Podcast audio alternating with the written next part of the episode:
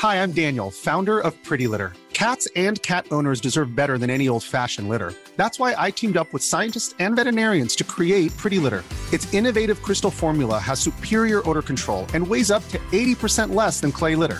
Pretty Litter even monitors health by changing colors to help detect early signs of potential illness. It's the world's smartest kitty litter. Go to prettylitter.com and use code ACAST for 20% off your first order and a free cat toy. Terms and conditions apply. See site for details. Many of us have those stubborn pounds that seem impossible to lose, no matter how good we eat or how hard we work out. My solution is PlushCare. PlushCare is a leading telehealth provider with doctors who are there for you day and night to partner with you in your weight loss journey. They can prescribe FDA-approved weight loss medications like Wagovi and Zepbound for those who qualify. Plus, they accept most insurance plans. To get started, visit plushcare.com slash weight loss. That's plushcare.com slash weight loss. Life is full of what ifs. Some awesome, like what if AI could fold your laundry? And some, well, less awesome, like what if you have unexpected medical costs? United Healthcare can help get you covered with Health Protector Guard fixed indemnity insurance plans. They supplement your primary plan to help you manage out of pocket costs. No deductibles, no enrollment periods, and especially no more what ifs. Visit uh1.com to find the Health Protector Guard plan for you. Ready? Okay. Give me a beach. Beach. Give me great food. Tacos. Give me adventure. Hiking. Give me a date night. Sunset cruise. Give me some smiles. Cheese. Give me more beaches. Beaches. What's that spell? San Diego. If you're happy and you know it, San Diego is the place to show it. Book your trip at san diego.org. Funded in part with the City of San Diego Tourism Marketing District Assessment Funds. I'm amazed how many people own stocks. They, they would not be able to tell you why they own it. They couldn't say in a minute or less why they own it. Actually, if you really press them down, they'd say the reason I own this is the sucker's going up. There's enough cash in the financial system, and there's an infinite amount of cash at the Federal Reserve. An infinite amount Put of cash. that check in a money market mutual fund. Then we'll reinvest the earnings into foreign currency accounts with compounding interest, and it's gone. So they had to do something. All they had left was just to print money and start buying things. And that's what they did. Quick buck artists come and go with every bull market, but the steady players make it through the bear market. They say money can't buy happiness. Look at the fucking smile on my face. Hej och välkommen till ett nytt avsnitt av Market Makers. Hör du Fabian, hur är läget? Har du någon el på fortfarande eller? Ah, man skulle inte kunna tro det för att eh, nu i oktober så kommer ju eh, Storbritannien utan tvekan bli dyrast i EU. Inte EU, utan Europa. Ja, precis. EU är de inte med i. Exakt, det var det jag tänkte. Vi har, vi har ju lämnat EU så länge. Kommer betala 50 pi per kilowattimme. Det är skönt att man kan vara bäst på någonting. Men det ska, vi ska, jag tänkte säga, vi ska inte prata om el, elmarknaden idag, men det kommer vi faktiskt göra. Vi är tvungna att prata lite grann om det, men vi har lite positiva nyheter också. Eh, framförallt kommer vi prata också om ett bolag som håller på med nätverk och it-säkerhet kan man väl säga lite grann också. Eh, Ubiquity, och sen så blir det såklart vanligt veckans tre snabba och en hel del annat spännande som vi kommer komma in på också. Men innan vi hoppar igång ska vi påminna om att det inte är någon rådgivande rekommendation. Vi berättar vår process, hur vi tänker, men du måste alltid göra din egen analys och glöm aldrig att alla investeringar är förknippade med Risk. Ja, och först ska vi såklart presentera vår huvudsponsor Robomarkets och veckans trade.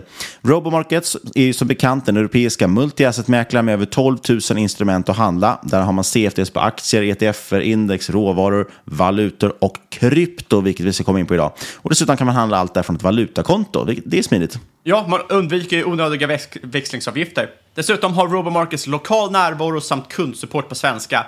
Man är reglerade av tyska finansinspektionen och eh, man har framförallt otroligt attraktiva villkor. Man har ju låga courtage och man har tajta spreadar, vilket är väldigt viktigt här om man ska trada lite.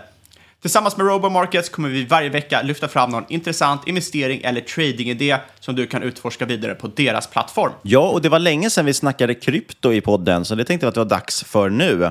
Eh, Det händer ju lite grejer på ethereum-nätverket. Ja, exakt. Och därför tycker jag det är otroligt intressant att kika på just ethereum just nu. Snart inträffar det så kallade the merge på ethereum, då man ska övergå från proof of work till proof of stake. Och ethereum allmänt har gynnats starkt av rallyt i risktillgångar under sommaren. Men de har även utan tvekan gynnats om, eh, eller av nyheterna kring the merge som sagt, som även det släpptes under sommaren. Jämför till exempel Ethereums eh, graf med Bitcoins graf under sommaren så ser man hur mycket starkare den har gått. Och the merge inträffar i stort sett när Ethereums mainnet hamnar på en terminal total difficulty på ja, 5, 8, 7, 5 och sen en jäkla massa nollor. Det spelar ingen roll egentligen för den här trading-idén. Eh, men enligt Vitalik Buterin, Ethereums grundare och skapare, så innebär detta egentligen att det endast finns en fast mängd hashningar kvar att mina och det här bör inträffa typ den 15 september. Beror såklart på hur många hashningar som eh, sker per dag och så vidare. Men ungefär 15 september. Nu verkar det till och med kunna inträffa tidig, tidigare än så, så till som 13 september. Och varför är då det här intressant som veckans trade? Jo, man kan väl säga lite att det här är en typisk buy the rumor, sell the news, vilket är ovanligt vanligt i kryptosfären. Det har ju varit så att man har laddat upp rejält för the merge. Eh, vi kan titta på vad som hände när man lanserade Bitcoin Futures, alltså terminer 2017, Bitcoin ETF som kom 2021, eller, eller när El Salvador satte Bitcoin som sin officiella valuta. Det hypades upp väldigt mycket inför eventet, men sen såldes det ner. Och eh, det kan ju vara lite samma sak med ethereum, speciellt där med tanke på, nu har man försökt begränsa lite grann, men många har ju stakat bitcoin, jag är tyvärr, eller förlåt, ethereum, jag är tyvärr en av dem. Jag stakade ethereum och sen har man inte kunnat få loss dem under hela den här nedgången. Men när de väl låses upp, ja då är det många som kommer försöka sälja sina ethereum så fort de bara kan. Folk allmänt vill ju vara lång inför bra nyheter. Någon katalysator. Men då prisas ju nyheten in och det finns bara nedsida kvar. Och samma sak verkar ju hända här. Många vill frontrunna the merge. Eh, De köper upp ethereum och bullcaset här är att ethereum kommer bli en digital obligation. Eh, Det kommer attrahera institutionella investerare. Precis, för när man stakar får man ju ränteutbetalningar, precis som en obligation. Exakt, och jag är väl lite tveksam till det här. Ethereum kommer fortfarande vara supervolatilt. Det kommer ha en relativt låg yield, det vill säga du får inte belöning för att sitta på den typen av volla. Så jag tror inte det kommer liksom attrahera så många institutionella ägare. Speciellt inte just nu. Det var ganska intressant eh, när jag som stejkade då, det var inte så mycket, men när jag stakade här för, för något, eh, förra året någon gång, eh, då var det ju ganska bra ränta. Man fick mellan 6 och 8 procent och det var ju superattraktivt i en nollräntemiljö. Men vi är ju inte längre i en nollräntemiljö. Nu är det inte så attraktivt. Du kan få 3 procent på ett vanligt sparkonto idag. Ja, så jag tror att det här kommer vara en nischad produkt, die hard fans. Men det är egentligen inte det långsiktiga vi tänker på det här, det är det kortsiktiga. Folk köper upp ethereum inför det här eventet. Men framförallt, vad tror du ska hända? Ska ethereum ned? Eller har jag, eh, eller vi, helt fel här och vi kommer se ett tokrally som till exempel eh, brukar inträffa när eh, bitcoin halveras? Du kan gå både lång och kort ethereum via robomarkets. Precis, och man har faktiskt otroliga villkor på just eh, eh, krypto, så det är sjukt billigt och smidigt att handla om man vill vara aktiv. Men vill du veta mer om Robomarkets, besök då robomarkets.se och följ deras Twitterkonto att robomarkets.se. Länkar finns i avsnittsbeskrivningen. Är du nyfiken på att testa går det såklart också att sätta upp ett demokonto där. Exakt, och det är perfekt för att känna och klämma på plattformen. Och som med alla investeringar är det viktigt att man förstår instrumenten och hur de fungerar. Handel med CFDs innebär alltid en hög risk att förlora pengar och det är viktigt att vara påläst innan man handlar. Fullständig riskinformation finns såklart på Robomarkets hemsida. Vi säger stort tack till Robomarkets. Ja, förutom ethereum så är det mycket annat som händer i världen. Vi tänkte ta veckans tre snabba här. Och eh, det första jag såg tyckte jag var lite intressant. Niklas Andersson från Avanza hanterade delade som vanligt intressant statistik om den här bear marketen. Han gör ju sällan prognoser och gissningar om framtiden, men däremot så gillar han att dela statistik. Den här gången gällde det volatilitet och då har han jämfört 2022, eller åtminstone de dagar som har passerat 2022, under 2022 såklart, med tidigare börsår. Och Gör man det, tittar man tillbaks hela vägen till 1928, så nästan 100 år sedan, så är det här faktiskt det elfte mest volatila året sedan dess. Det är ganska uppseendeväckande ändå. De perioder som slår eh, i i år, alltså år 2022, när det gäller volatilitet, det är bland annat andra världskriget, IT-bubblan, finanskrisen, faktiskt också coronaraset under 2020 som är det tredje mest volatila året någonsin. Så att det är exceptionella tider vi genomlever just nu. Eh, så det ska verkligen inte, man, man ska verkligen inte tro att det här är något normalt, utan det är extremt volatilt faktiskt i år jämfört med tidigare år. Ja, på tal om volatilitet i marknaden. Jag såg en rätt intressant graf häromdagen om nedgång i just björnmarknader och att de tenderar att vara så kallad back-end loaded på engelska. Alltså den stora nedgången kommer i slutet av en björnmarknad. Optimistiskt. Exakt. Det, det, det hänger ju ganska väl ihop med psykologin ju också. För det är ju så, när man har en nedgång, som på, när nedgången påbörjas, då är det ju väldigt lätt ändå att hålla ut och att köpa mer och tänka nu blir det rea och så vidare. Men sen brukar det ju dö ut först när just när väldigt många börjar ge upp. När folk känner, och, och då i slutet blir det verkligen att de sista kastar in handduken och säger att "Nej, jag skiter i det här, säljer mina aktier. Och som du säger, då får man ju den kraftigaste nedgången. Så det, det, absolut, det är ett ganska rationellt eh, mönster egentligen. Ja, jag håller med. Och i den här eh, grafen var det inte, det var en tabell, så kollade man på 16 björnmarknader eh, sedan 1929. Och eh, så delar man upp hela björnmarknaden i tre perioder. Och så såg man att den första och den andra tredjedelen i björnmarknaden så gick man i snitt, eller inte snitt, i median, säger man så, eh, ned minus 7% respektive minus 9 men nedgången i den sista tredjedelen låg på hela minus 24 procent. Så att den by far största nedgången hände i sista tredjedelen av en björnmarknad, vilket jag tycker är eh, rätt intressant att hålla, eh, hålla koll på. Det är, har varit mycket, mycket pain i, på börsen senaste året. Eh, men eh, vem vet? Absolut. The, the worst has maybe yet to come. Eller så kanske vi redan har sett tre stycken nedgångar. Jag menar, många glömmer den stora nedgången som skedde i februari 2021. Kanske var det första delen, första tredjedelen, vem vet? Nej, och samtidigt ska man vara lite optimistisk så är det ju förstås så e-, e-, enkelt. Det är, det är nu, men det är ju en björnmarknad när man gör de bästa affärerna också. Det är då man kan hitta billiga case. Saker är otroligt mycket billigare nu än vad det var för bara ett år sedan. Eh, jag såg bland annat att Mark Minervi, han är ju en känd, han har vunnit eh, trading-VM eller vad de kallar det för i USA ett antal gånger. Han är ju riktigt, riktigt duktig. Swingtrader framförallt. Han hade ju någon två timmars video, eller om det var en timmes video på YouTube, eh, där han bara pratade om att hur man identifierar vinnare i bear market. Så att hans teori är just att det syns så mycket tydligare också vilka som är vinnare i en bear market. För att har du någonting som hittar styrka i en nedgående marknad, det tyder väldigt mycket. Och, och det är många som missar det eftersom de tycker ändå att oj, den har gått svagt. Men den har gått otroligt mycket starkare än allt annat. Exakt, relativt. Uh, ja, nej, men jag håller med.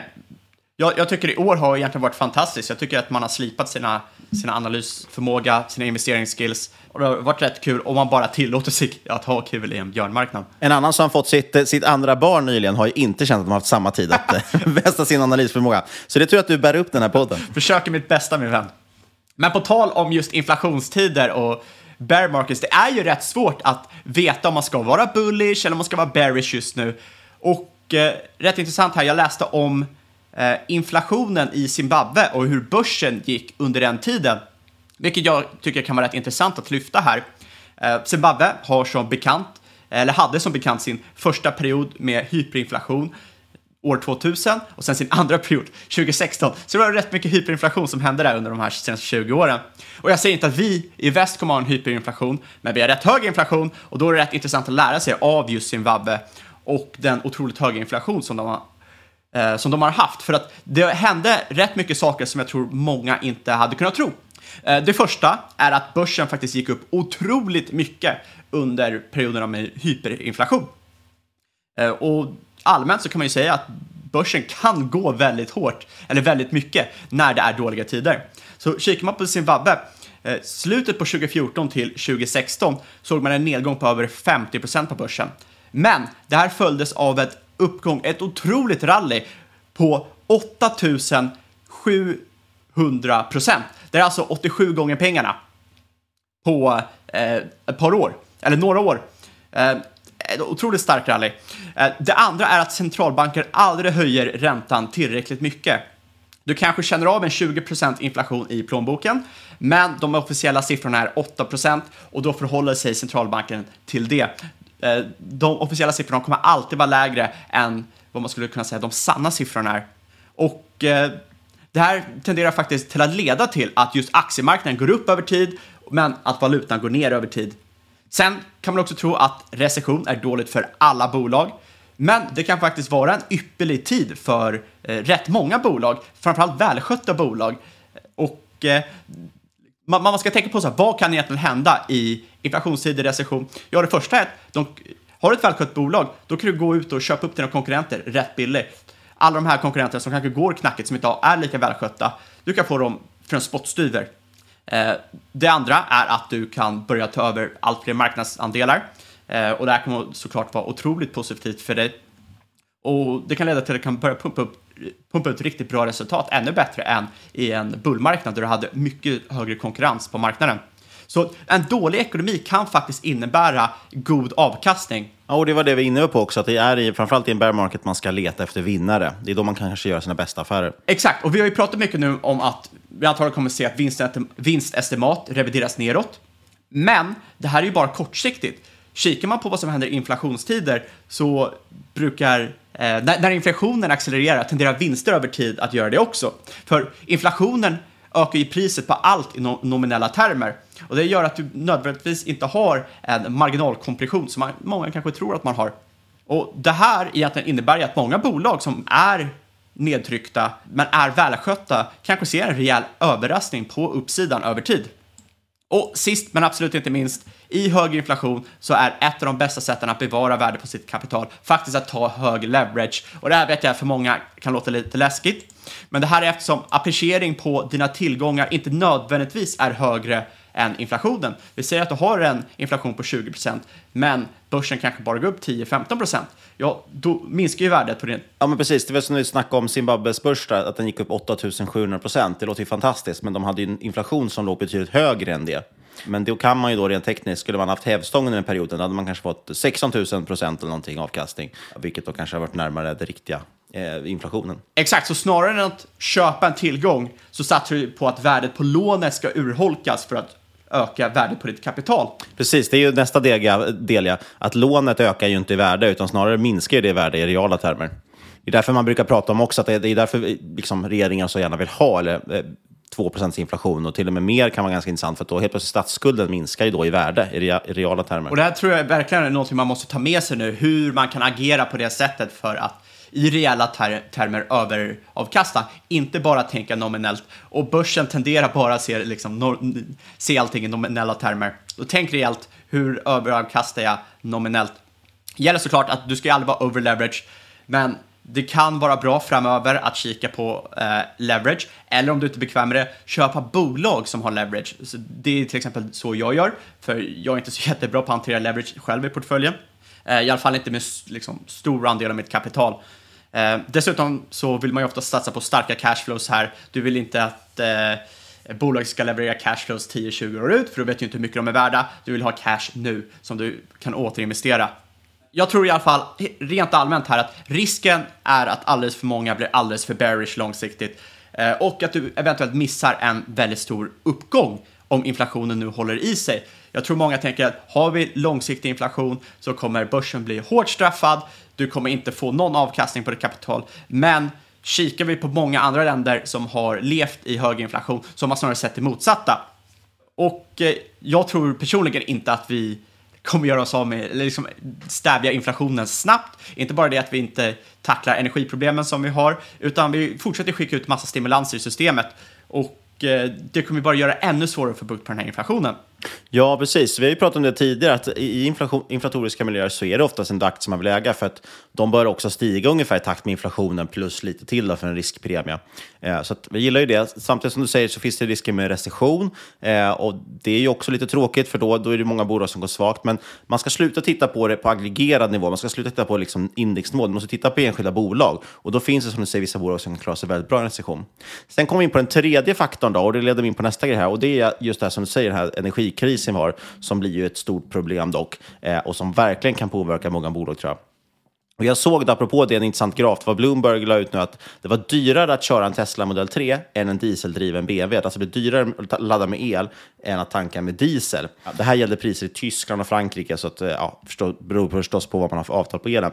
Men det är ganska intressant ändå att, de, att det på vissa ställen har blivit så. Gä- Gäller väl i Sverige också?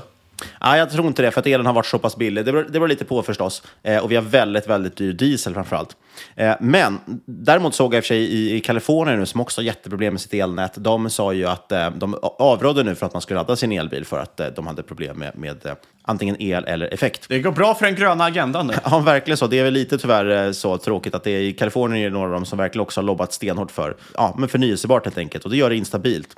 Eh, det varnar ju många experter för att introducera ännu mer vindkraft nu som många vill, vill föreslå. Ja, då, då ökar instabiliteten. Men vi ska inte prata om just det. Utan det som jag tyckte var intressant, att som sagt, elen har blivit jättedyr, vi har en energikris. Eh, nu har dessutom Ryssland slutligen kapat gasen helt i Europa. Förut skyllde man ju på att det var underhåll man skulle genomföra det här. Men nu har man sagt rakt ut att nej, vi kommer att fortsätta gasen avstängd tills att sanktionerna mot Ryssland slopa, slopas. Och det är lätt nu att bara se väldigt mycket problem. Men jag tänker att man kanske ska fokusera på lite saker som många kanske har missat och som är lite positiva förhoppningsvis. Dels, eh, eller alltså, det är ju troligtvis så att elpriserna har till stor del blivit absurt höga på kort tid eftersom gaspriserna har rusat. Det, man pratar ju om marginalprissättning, alltså det sista lilla delen energi som skapas, eller el som skapas, som sätter priserna. Eh, och då har man krävt att man har dragit igång de här eh, stora de här stora gasturbinerna och så vidare och, och kört naturgas.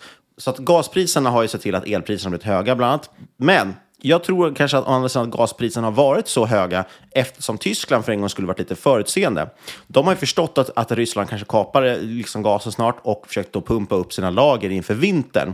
Eh, och det gör ju då förstås att om de betalar precis vad som helst för all gas de kan få tag på, då skjuter ju priserna i höjden.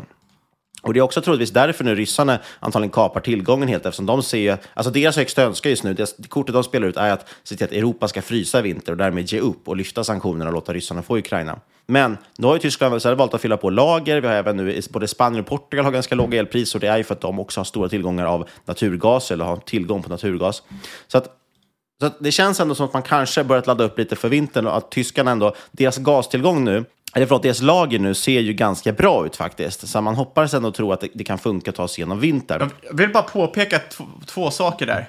Första är att Tyskland, eh, de är lite fulingar. De har, de har egentligen alltid haft eh, liksom lite förutseende vad som skulle kunna hända. För att de har ju snackat mycket om liksom, grönt, vi ska övergå till förnyelsebart och så.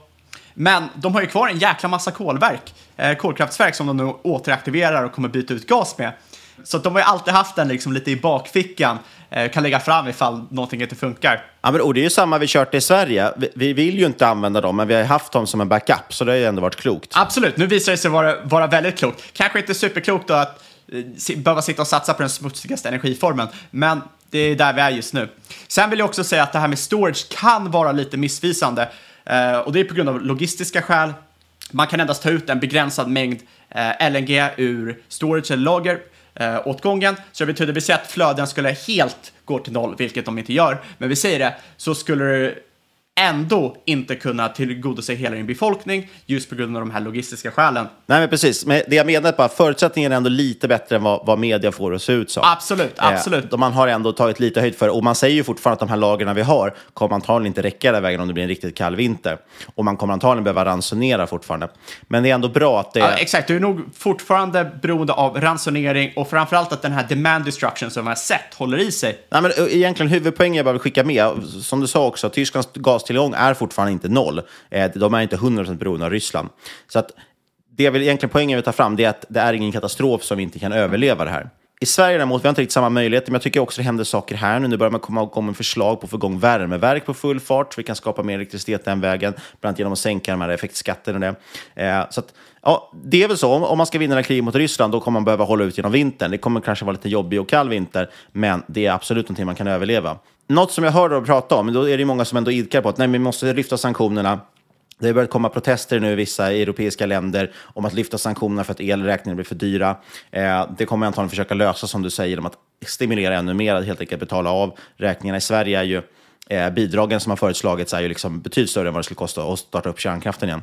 Eh, men något som det pratas då, ett argument för att lyfta sanktionerna, det är att sanktionerna funkar ännu inte. För nu routar bara Ryssland om sin gas till Kina och Indien. Men det stämmer faktiskt inte. Det finns helt enkelt inte den typ av infrastruktur för att kunna sälja så mycket gas till Kina och Indien som man har gjort i Europa. Så det är så att eh, sanktionerna funkar och det är också därför ryssarna nu försöker göra allt de kan för att hota och se till att vi ska lyfta dem. Till exempel kan nämnas Kina. De har köpt drygt 2 miljoner ton naturgas under första halvåret i år. Det kan ställas mot de drygt 70 miljoner ton som Europa köpte förra året. Så det är en enormt stor skillnad eh, i, i volymer helt enkelt. Eh, så det kommer inte någon större mängd gas fram till Indien och Kina. Däremot såklart, de får ut olja och lite andra produkter. Men gasen, ja, sanktionerna funkar helt enkelt. Jag, jag, jag, tror inte heller att Kina riktigt vill sätta sig, eh, ställa sig emot väst för mycket, för de är fortfarande otroligt beroende av export till oss. Eh, så att de kan inte heller gå all in och köpa. Men det är exakt det du säger, så här, deras infrastruktur är inte tillräckligt utbyggd till den delen av världen. Nej, och den kan de absolut bygga upp, men det tar ett antal år. Ska man då slutligen försöka koppla allt till börsen så tycker jag att någonting man ytterligare ska ta med sig, vi har varit inne på det nu, att man ska hitta eh, vinnare eller ledare liksom i en bear market, de som kan stå emot. Man ska hitta bolag som klarar inflation, det kan man göra på olika sätt. Antingen hittar man någon som är super asset light, alltså har väldigt få tillgångar, eller så vänder man på det och har de som är asset heavy, alltså som har mycket leverage som du säger, som då där hävstången eller lånen minskar i värde. Eh, vi pratar också om att man måste tänka, ta in recessionen i åtanke. Hur klarar ett bolag en nedgång? Man kanske ska hitta konjunkturokänsliga bolag och så vidare. Eller hitta de riktigt starka ledarna som kan dra nytta av att andra bolag går under. Men man måste slutligen också lyfta in det här med elpriser och tänka på det.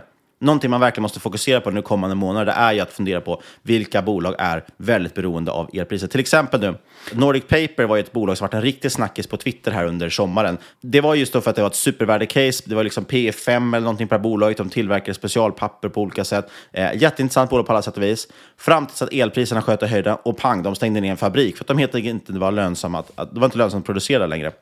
Så att, jättemånga bolag, fler bolag än Nordic Paper kommer drabbas av det här med att det är höga elpriser. Det är helt enkelt inte värt att köra. Nu när elpriserna har stigit i norr också, ja, hur går det då till exempel med det här gröna stålet man tillverkar där som kräver extremt mycket energi och så vidare. och så vidare. Så att det är ytterligare en, en aspekt man måste ta med nu i sin, sin analys av bolag just nu. Absolut, men man kan ju också säga att folk känns ju duktigt bearish på Europa nu och framförallt europeisk industri. Och kikar man så kan man ju köpa väldigt mycket industribolag väldigt, väldigt billigt om man kikar utanför Sveriges gränser. Bara att nämna några liksom, från en screener här nu då. Världens största eh, kemikalieproducent, BAS, eh, BASF, eh, handlas alltså till P7. En av världens största cementtillverkare, eh, Heidelberg Cement, för P5,5. Eh, Jag har inte djupdykt i de här någonstans, men kikar man bara på multiplarna för de här äh, världsledande bolagen så börjar det se väldigt billigt ut. Så att man kan ju också sitta och tänka här, går det att syna den här energikrisen? Eh, Liksom ett, eh, att långa DAXen kan till exempel vara lite av ett kontraplay. Du ser också nu att euron står under dollarn. Eh, Det är liksom prissatt som Europa ska helt konka under den här vintern. Eh, Och det hände ju inte ens under eurokrisen. Så att eh, det är mycket som händer nu som du eventuellt kan, om du djupdyker här, syna lite, köpa in dig väldigt, väldigt billigt. Um, Ja, det, det som oroar det är som du säger att en nedgång brukar oftast vara väldigt, framförallt största nedgången sker i slutet av en bear market. Eh, men det börjar verkligen kännas som att det måste vara peak bearishness snart. Får man gissa lite grann så är det ju så, september är ju historiskt eller säsongsmässigt en svag månad. Det brukar vara den svagaste månaden. Eh, och i USA till och med där har man ju nu liksom buyback blackout, så att det sker inga återköp och det är väldigt viktigt köpare i marknaden annars när bolagen köper tillbaka sina aktier.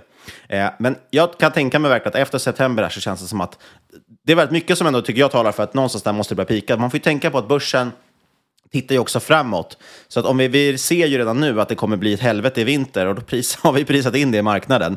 Eh, men när vi börjar kolla framåt, snart kan vi börja blicka framåt mot våren och nästa sommar. Okej, men då kanske vi börjar få ordning på saker och ting. Så att, ja, jag, vet inte, jag börjar bli ändå försiktigt optimistisk nu och tror att det är nu man ska börja liksom leta verkligen. Eh, och som du säger, det börjar vara så mycket otroligt fina bolag som börjar bli väldigt billiga. Men med det sagt. Jag vill bara lämna en brasklapp där. Bara för att vi klarar eh, 2022 betyder det inte nödvändigtvis att vi kommer ha väldigt, liksom att svårigheten är över. Vi har ju fortfarande samma svårigheter 2023 och 2024 om vi inte löser det, de problemen vi har nu. Potentiellt ännu större svårigheter om vi fortsätter på den väg vi håller på med nu. Men vi kanske ska hoppa in på dagens huvuddel där vi ska titta på ett litet case. Ett amerikanskt bolag som faktiskt har blivit lite dyrare senaste året till skillnad från mycket annat. Men vi får se om det är motiverat eller inte. Denna vecka sponsras podden av Aktier och XP Chemistries som har anslutit sig till aktier för att stötta ett bättre börsklimat. XP Chemistries har nu ett pågående emissionserbjudande. Hoppa in i aktier om du vill läsa mer om erbjudandet. Vi säger stort tack till Aktier och XP Chemistries. Ja, jag tänkte faktiskt att vi skulle ta ett eh, klassiskt market makers case idag Fabian. Eh, amerikansk techbolag.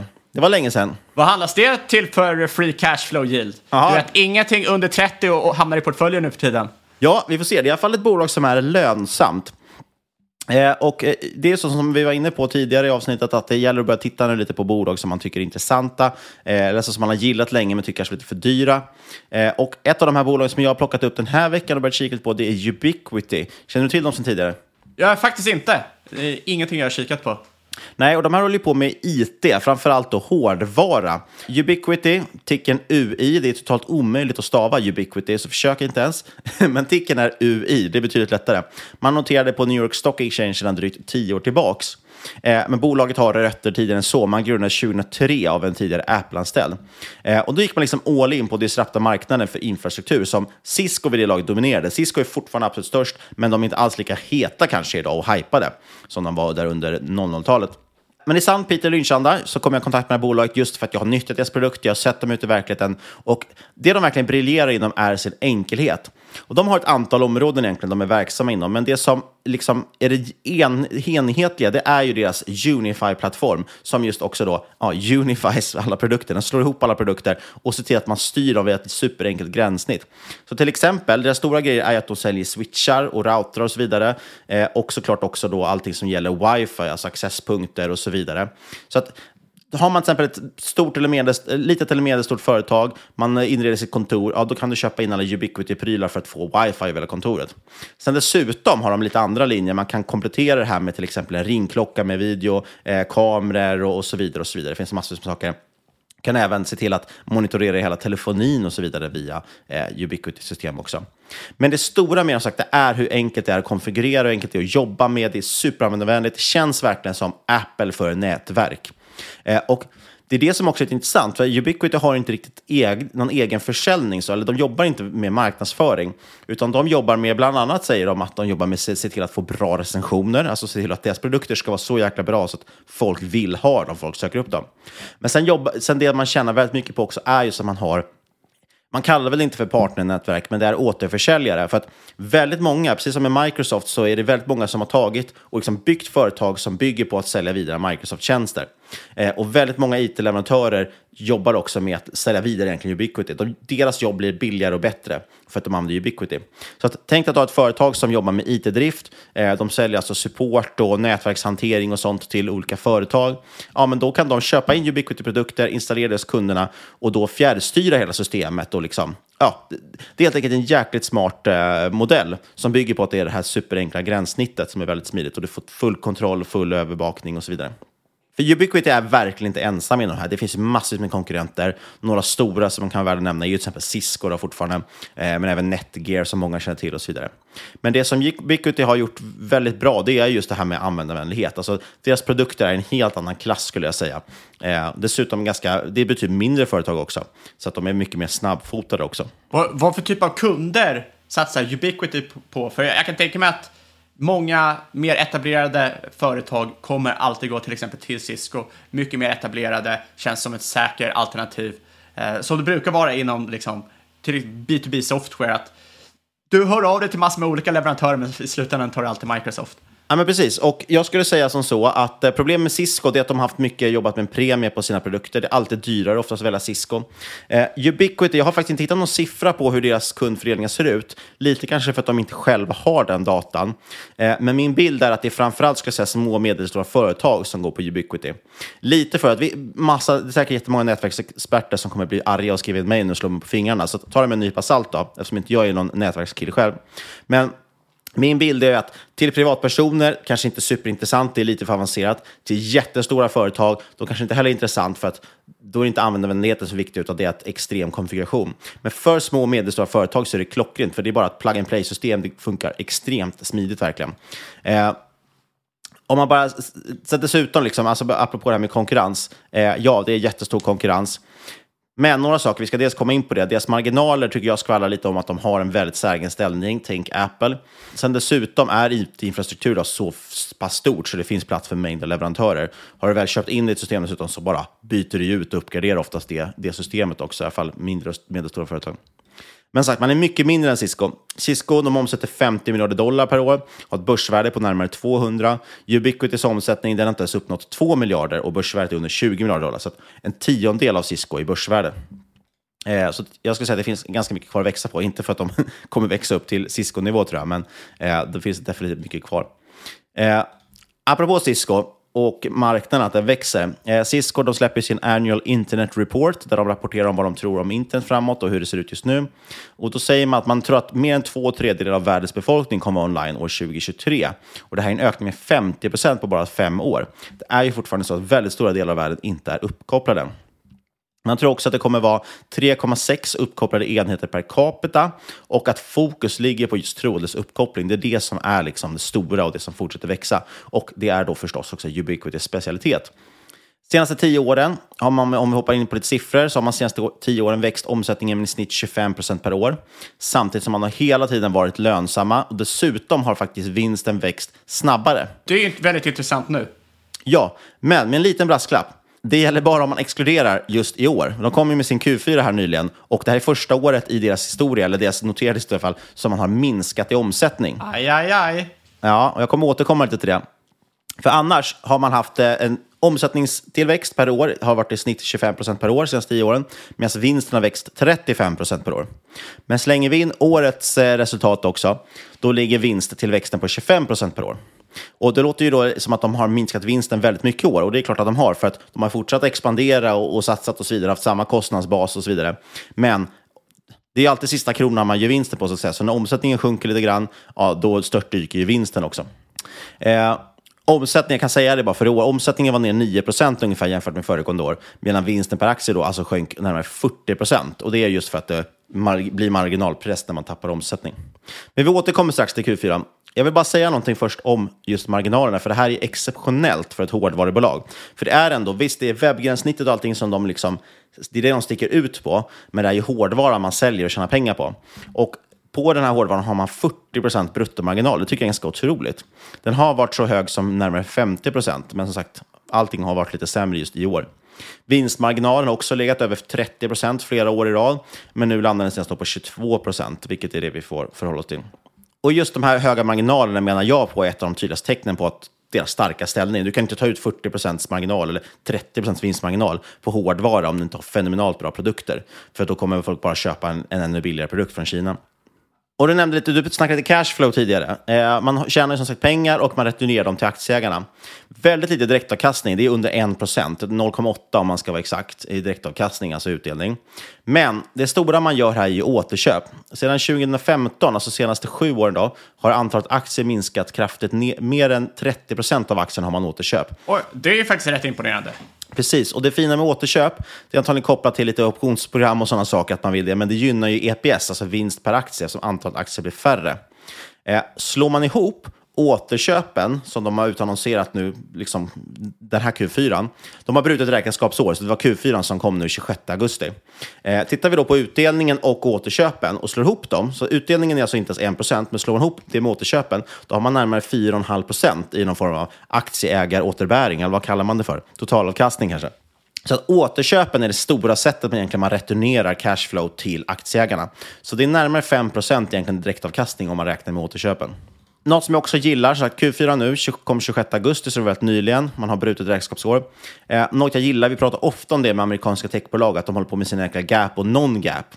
Gap är ju general accounting, eh, general acceptable accounting principles, så att säga liksom, traditionell redovisningsmetod. Och sen håller man på att göra justeringar och då hamnar man på non-gap, det vill säga inte standard. Men i Ubiquitous fall, man redovisar bägge, men de är väldigt nära varandra på i princip samtliga nivåer. Och det gillar jag också, så att det inte är massa stora diskrepanser som man behöver grotta i. Ja, sagt, återköpen sa man fortsätter. Man köpte tillbaka mer än 3% av aktierna bara under senaste året. För som sagt, de som gillar utdelning, nu är den väldigt låg, men man delar ut dem det kvartalsvis, om man tycker sånt är roande. Det stora problemet här, som jag sa, omsättningen är nästan 10% på helårsbasis. Men tittar man kvartalsbasis är den upp över 20 Eh, och vinsten då ner kraftigt, nästan 40 procent på årsbasis, men upp då, eh, på kvartalsbasis. Det stora problemet man drabbas av det är halvledarbrist och komponentbrist.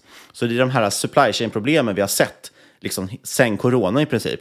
Eh, och lustigt nog, så har man klarat det väldigt utmärkt. Man växte under 2020, man växte under 2021 utan problem. Men just nu 2022, då, eh, ja, eller halva 2022 är bara gott, de kallar det för 2021 i sitt brutna eh, räkenskapsår, så har man helt plötsligt tappat. Så att antagligen gissar jag på att man har haft mycket uppbyggt och så vidare och ändå klarat sig genom 2020. Men det här var första året man nu liksom började få problem med det här. Och det är ju förhoppningsvis problem som kommer lösa sig. Men man har liksom supply chain-problem helt enkelt. Framförallt då via Kina om man får gissa. De har haft sin zero, zero covid-strategi eh, och det har ju då varit jättesvårt att få loss eh, resurser.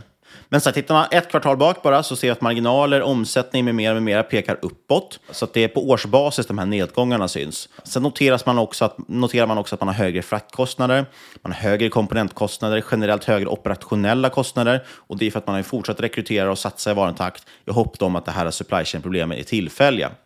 Så det är lite det man får ta ett bett på med det här bordet, om man tror på det eller inte. För gör man det så kan det bli ganska billigt. Alltså då, då kan vi komma ganska långt under vad det kostade för ett år sedan. Men nu i och med att vinsten har gått ner så handlas det till närmare P 40. Och det är för ett bolag då som, eh, förlåt, närmare P 50. Eh, och tittar vi tillbaka ett år så var det under P 40. Så fortfarande ganska dyrt, men, men ändå intressant för den här typen av snabbväxande techbolag kan jag tycka. Det man får se som positivt, om man ska vara lite optimistisk, det är ju att de har mer order än vad de har produkter att leverera, så det är inte problem med orderingången. Efterfrågan liksom tycks oförändrad. Det är problem framförallt med att kunna leverera de här produkterna som kunderna vill ha. Det här tycker jag, det är faktiskt en, en bara sidogrej, men jag tycker, jag tycker att man, det är så sjukt imponerande fortfarande med de här företagen som har lyckats hantera komponentbristen. Eh, vi kan ta svenska Note till exempel, som man ser, de bara fortsätter leverera på sina ordrar med god lönsamhet, trots komponentbristen som verkar slå mot alla företag. Men några verkligen lyckas ju navigera här utan att det ens märks av. Det tycker jag är imponerande. Eh, det gör ju också att det kanske blir en premie mot den typen av bolag, för att då vill man ju hellre använda Note som leverantör eftersom de får ju fram varorna. Liksom. Absolut, absolut. Eh, något man kan nämna också under 2021 som skulle också påverkat aktiepriset och så, det var att det var en liten skandal eh, förra året kring det här bolaget. Det var en cybersäkerhetsblogg som hävdade att en visselblåsare på Ubiquity hade upptäckt en stor dataläcka eh, och att nu företag försökte mörka det här, men man hade hem, alltså kunddata som hade läckt ut och det var ju då ett, ett superproblem i sånt fall. Eh, Ubiquity på sin, på sin sida de hävdade att nej, det är inte alls någon fara, det är ingen faktisk kunddata av värde som har hamnat i fel händer och så. Sen var det massor med fram och tillbaka, så där. det skadade aktiekursen väldigt mycket, det skadade förtroendet väldigt mycket. Men nu i december 2021 slog en domstol i New York fast att det var en tidigare högt uppsatt anställd som hade gjort sig skyldig eh, till att försöka stjäla data och utpressa bolaget. Och det är antagligen han som har gått ut då med information om den här påstådda dataläckan. Men dataläckan är han som har skapat, eller hon, i hopp om att kunna utpressa bolaget på miljonbelopp. Smart. Men ingen data verkar ha kommit ut. Men det är fortfarande, skadan är fortfarande skedd, för den skadar förtroende och aktiekursen som sagt. Men domen tycks ha ta, ta Ubiquitys sidor helt enkelt. Och nu har faktiskt Ubiquity också gått ut och eh, stämmer den här bloggen som lät publicera de här falska uppgifterna. Då, för att utan det hade det inte varit något problem. Och sista då, som jag bara ska nämna, eh, aktiekursen. Jag pratade lite om det, att jag tycker det är intressant att titta på leaders i, i, i bear markets. Det är väldigt intressant. Och det här bolaget har bara gått minus 1,5 procent sedan årsskiftet. Det är ganska starkt med tanke på att börsen är ner liksom 20-30 procent. Aktien dock upp hela 1500 procent sedan noteringen.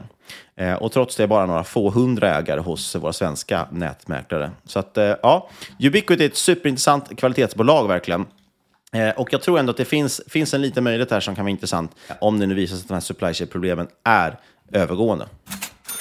Ja, och det var dagens avsnitt. Som vanligt, lite innehållsförteckning här, eller lite transparens. Äger du någonting i Ubiquity? Du vet, så jag handlar nu är bara extremer. Om det inte är PS50 eller PE2, då är det inte intressant. Precis. Och jag har faktiskt inte heller några aktier i Ubiquity just nu. Eh, är det någonting annat vi har pratat om? Pratat lite ethereum och de har jag förstås eh, stakeat och man ska kolla in vår huvudsponsor Robomarket som man är intresserad av att handla kryptovalutor till supervillkor. I övrigt ska man komma ihåg att inget av den här podcasten ska ses som rådgivning. Alla åsikter, egna gäst och eventuella sponsorer tar inget ansvar för det som sägs i podden. Tänk på att alla investeringar är förknippade med risk och sker under eget ansvar. Och sagt vi riktar stort tack till Robomarkets men också Aktier och XP Chemistries. Kolla in dem hos aktier.com.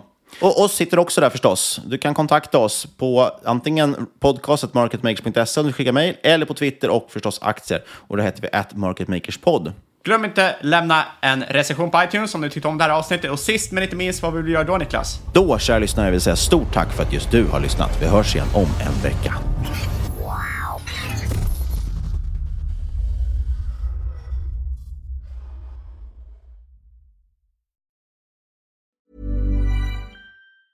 Hi, I'm Daniel, founder of Pretty Litter. Did you know cats tend to hide symptoms of sickness and pain? I learned this the hard way after losing my cat, Gingy. So I created Pretty Litter, a health monitoring litter that helps detect early signs of illness by changing colors, saving you money and potentially your cat's life. Pretty Litter is veterinarian developed, and it's the easiest way to keep tabs on your fur baby's health right at home. Go to prettylitter.com and use code ACAST for 20% off your first order and a free cat toy. Terms and conditions apply. See site for details. Ready? Okay. Give me a beach. Beach. Give me great food. Tacos. Give me adventure. Hiking. Give me a date night. Sunset cruise. Give me some smiles. Cheese. Give me more beaches. Beaches.